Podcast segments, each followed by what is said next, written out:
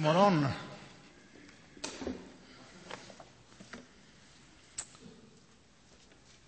Vilka måsten måste uppfyllas före jul? Är osäker och lite stressad. Eh, den här frågan eh, skickade en av mina vänner ut vid midnatt någon dag sådär innan julafton på sin Facebook-sida. Och eh, det går väl att känna liksom tvången och stressen och de där förväntningarna som låg bakom ett sånt eh, uttalande. Och kanske känner vi igen oss lite i det också. Vilka måsten måste vi följa med i? Och jag funderade lite när jag såg det. Alltså, man kan ju göra om det här till någon slags stor existentiell fråga om livet i stort. Liksom. Vad har vi för relation till livet, till tillvaron, eh, till omvärlden? Vilka måsten måste vi liksom eh, böja oss under? Vilka regler är det egentligen som gäller för oss?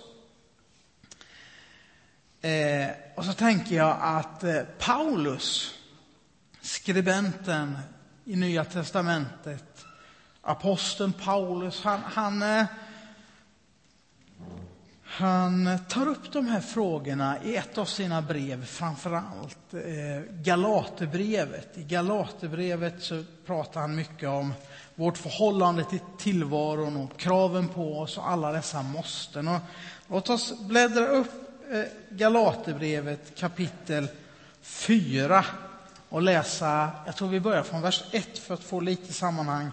Eh, vi läser de sju första verserna, Galaterbrevet 4.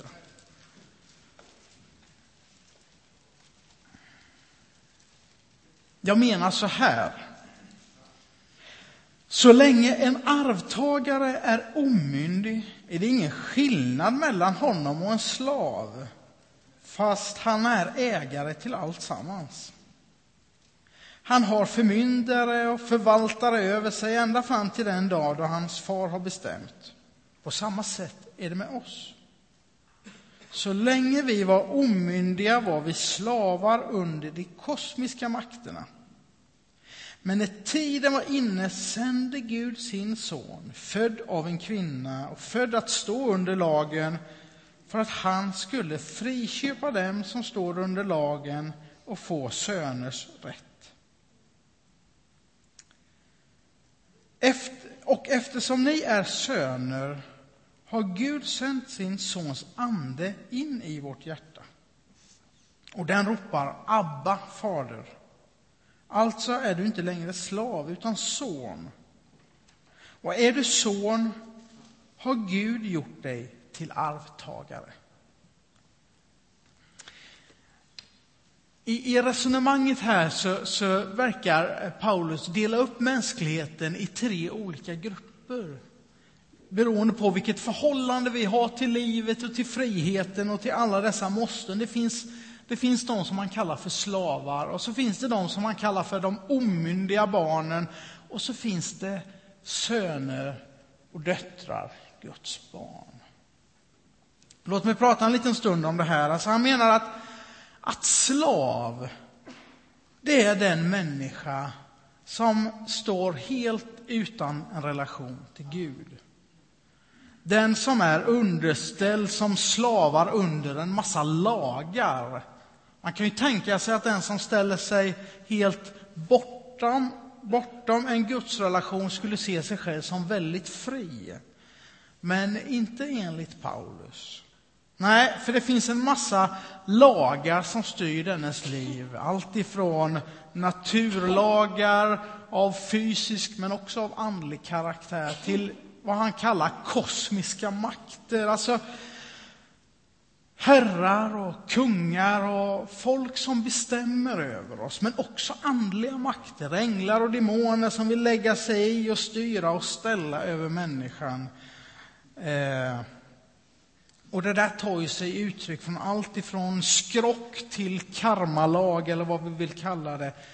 Och ytterst sett så förklarar Paulus det med att vi är då slavar under synden, eller köttets natur, eller köttets eh, begär som man kallar det. Det handlar inte om det materiella utan, utan de onda, nedbrytande eller själviska drivkrafterna i människans liv.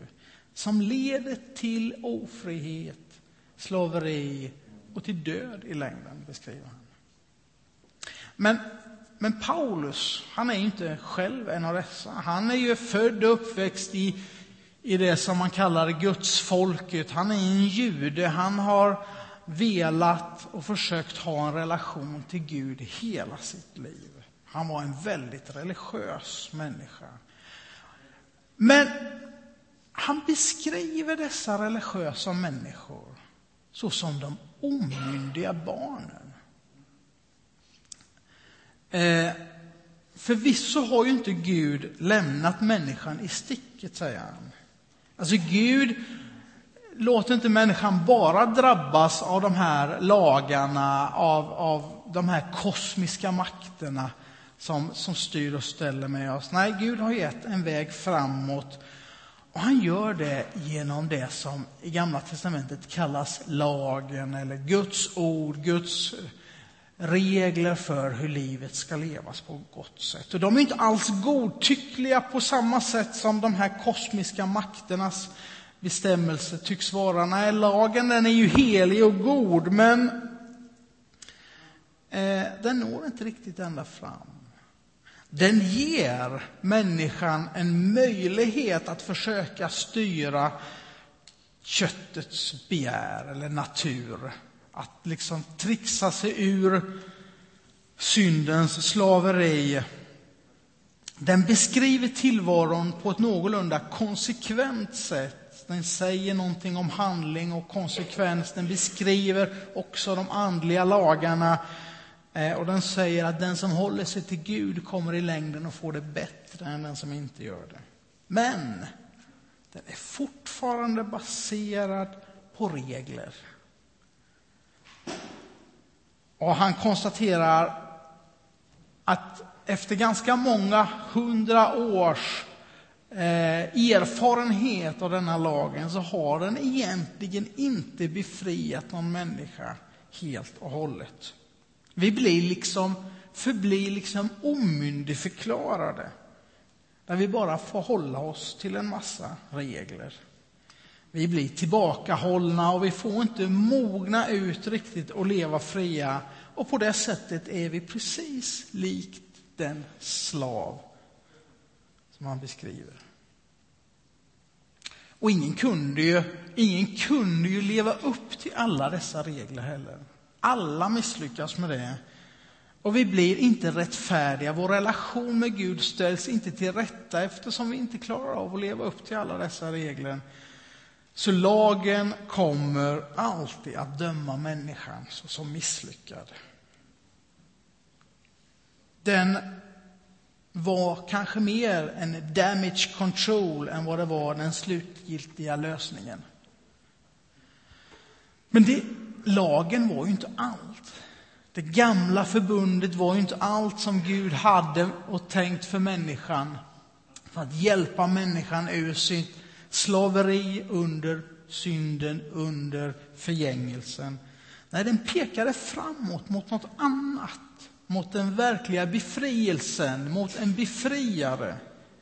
En räddare, frälsaren, Messias, Kristus. Och det är ju här vi kliver in i, i den här bibeltexten i dagens resonemang. För befriaren har kommit så som Guds son. Och det är ju hans ankomst vi firar nu i juletid. Guds son, som ju kan delas upp på, på två eh, dimensioner. Gud och son. Där Gud handlar om att Gud själv bryter in i historien på ett konkret sätt och fullbordar det som lagen inte kunde göra. Eh, och han gör människan rättfärdig genom att friköpa henne och betala med sitt eget liv. helt och hållet Gud, men också helt och hållet människa genom att han är en son. Född av en kvinna och underställd alla människans villkor, beskriver Paulus i texten. På det sättet så kan ju han, Jesus Kristus, förstå oss och vara ett av våra föredömen. Och han kan få befria oss och han kan till och med bli vår bror.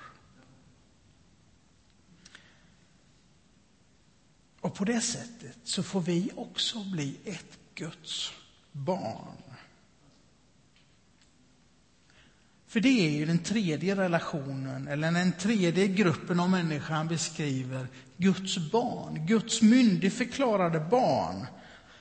Som blir myndiga just genom Jesus Kristus, som blir ett Guds barn genom att vi får adopteras in i Guds familj. Och det förändrar hela vår tillvaro. Vi blir inte längre slavar och vi blir inte längre omyndiga, utan vi blir ett Guds barn genom att vår relation till Gud förändras och Guds relation till oss förändras och vår relation till varandra förändras i detta. Alltså, Gud är ju fortfarande så som Gamla testamentet poängterar. Gud är ju fortfarande vår skapare och Gud är fortfarande alltings domare och herre och mästare över detta universum och en allvetande lärare. Gud är vår försörjare och vår läkare. Men nu beskrivs Gud framför allt så som vår far, vår kärleksfulla far. Eller uttrycket Abba fader som texten skriver om. Det här uttrycket för nära gemenskap, en familjär hållning, en kära pappa eh, uttryck som Jesus introducerar i sin tjänst. En far som älskar oss. En far som förstår oss och möter våra behov. Och en far som ger oss gåvor. Och den största av alla gåvan, det är anden. Det är Guds ande, Kristi ande, som tar boning i våra hjärtan och gör oss till Guds barn. Anden som förändrar våra karaktärer, som, som ger oss möjligheter som vi inte har haft, som ger oss hopp och som, som ger oss erfarenheten och känslan av att vara Guds barn. Och så ger han oss sitt arv. Och vad det innebär är väl en hel predikoserie i sig, men på något sätt så blir vi prinsar och prinsessor i ett kungarike som till och med betjänas av änglarna som som Hebreerbrevet beskriver det. Och det är vår nya situation. Att Guds relation till oss har blivit sån. Men vår relation till Gud har också förändrats. Vi är rättfärdiga. Vi är hans barn.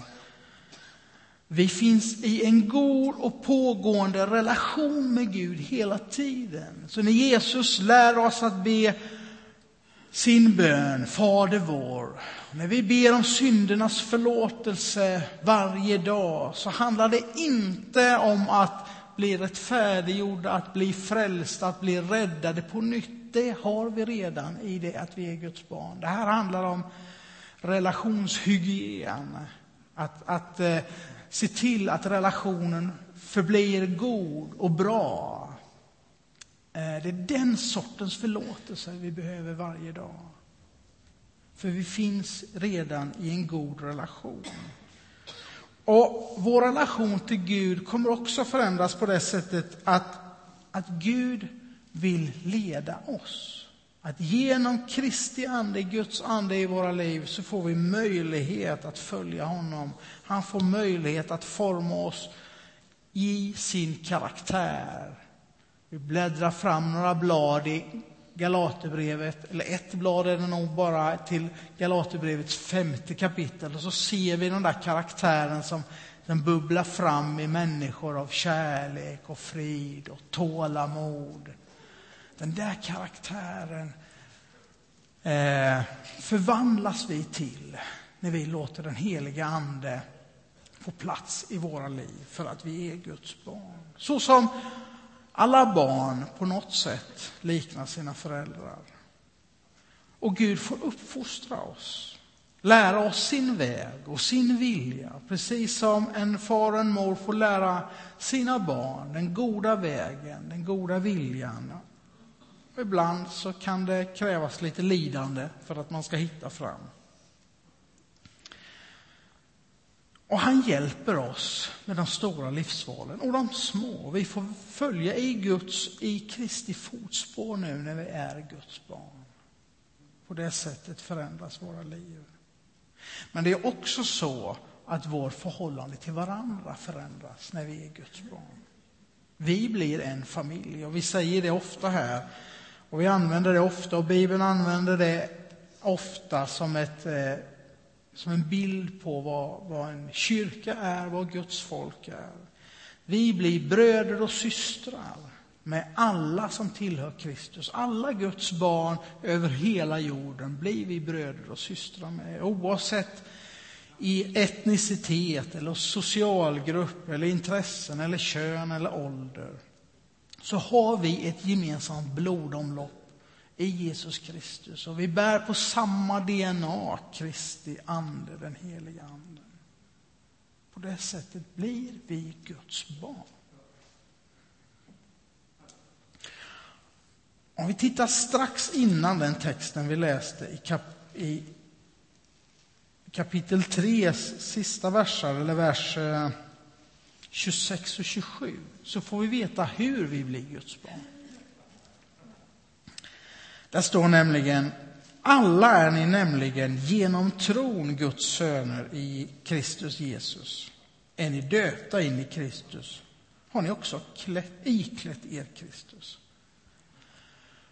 Tron och dopet, dopet och tron är det som gör oss till Guds barn. Dopet i vatten som ett tecken på efterföljelse, ett viljebeslut att vilja dö och uppstå med Jesus Kristus. Och tron. Den där Guds gåva, tron som inlämnar hela livet. När Gud drar oss till sig. Men också det viljebeslutet hos oss att vilja söka Gud, att ropa på honom, att bestämma sig för att det är Gud som jag ropar på. Det är Gud som jag tror på. De två komponenterna är det som gör oss till Guds barn. Det finns en amerikansk pastor som har, som har hjälpt mig lite att tänka kring det där med att växa i tron. För att liksom grunda sig och sticka ner rötterna i att, att vara ett Guds barn. Och han påpekar faktiskt att, att all tro, oavsett vad vi tror, men all tro eller all tilltro, all syn på sanningen, på kunskap, all all livsåskådning, all livsfilosofi eller alla paradigm vi har omkring hur den här tillvaron ser ut bygger på tre eh, eh, byggstenar. Och den ena är logiken, vårt intellekt. Alltså, vad är det som verkar stämma? Vad är det som för mig verkar vara den bästa beskrivningen av tillvaron, av sanningen, av, av, av tron? Vad verkar mest logiskt? Och ibland tror vi att det där det är det enda som jag bygger min tro på. Eh, men så är det inte för någon människa. Utan känslorna är ganska viktiga också. Alltså, vad vill jag tro på? Vad skulle jag vilja vara sant? Vad känns bra att tro på? Det där är viktigt för alla livsåskådningar också. Men också vännerna. Vad tror mina vänner på? Vad tror jag att mina vänner vill att jag ska tro på? Vad känner jag eh, skulle vara en fördel för mig i min gemenskap att tro på? De tre byggstenarna bygger all slags syn på sanning och tro. Eh, och om jag använder den förenklade bilden ändå så skulle jag ju kunna underlätta min egen tro. Sticka ner mina egna rötter djupare genom att fundera på vad skulle bygga upp mitt intellekt, min logik, Jag kanske skulle jag behöva läsa min bibel lite mer. Kanske skulle jag behöva läsa någon av alla de goda kristna böcker som finns. Kanske skulle jag behöva samtala med människor och fundera mer kring min tro för att liksom sätta ihop den intellektuellt. Och känslomässigt, för mig så är det så, det finns ingenting som förändrar mina känslor gentemot tron mer än min egen bön. Eller andras bön för mig. Så att finnas i bön, att be om Andens erfarenhet av Gud, att på något sätt be Gud att förvandla mitt hjärta till att längta efter mer av honom, till att längta efter samma sak som Gud längtar efter. Och så förstås vännerna. Och vi säger det ganska ofta härifrån. Man är inte kristen på egen hand. Det är man tillsammans. Det finns en logik bakom det och det är just det att vi har tron gemensamt. Vi bär på tron och vi uppmuntrar tron och vi tror tillsammans. Så därför behöver vi utsätta oss för någon slags kristen gemenskap, en gudstjänst som denna, husgruppen, den lilla gruppen, arbetsgemenskapen och hela tiden uppmuntra varandra i tron. Och så får vi ta emot gåvan att vara ett Guds barn. Där dopet ju är ganska lätt i sammanhanget och tron inte alls omöjlig. Och så får vi vara ett Guds barn och bli helt befriade från att vara både omyndiga och slavar. Eller som en av mina vänner säger, i att vara Guds barn så är jag helt och hållet fri i Kristus det är bara kärleken som tvingar mig. Det här var ett lite för långt svar för att skriva till min vän där på Facebook. Eh, så jag skrev Lukas kapitel 2 är det enda måstet. Och vad menar jag med det då? Ja, det är förstås julevangeliet. Eller ära i höjden åt Gud och på jorden fred åt dem som, har utvalt, som han har utvalt. För idag är en frälsare född åt er i Davids, stad, i Davids stad. Han är Messias, Herren. Gud blir människa i Jesus Kristus och gör oss till sina barn. Låt oss be. Tack himmelske far för att vi inte behöver vara slavar eller omyndiga. Tack att vi får vara dina söner och döttrar, Herre.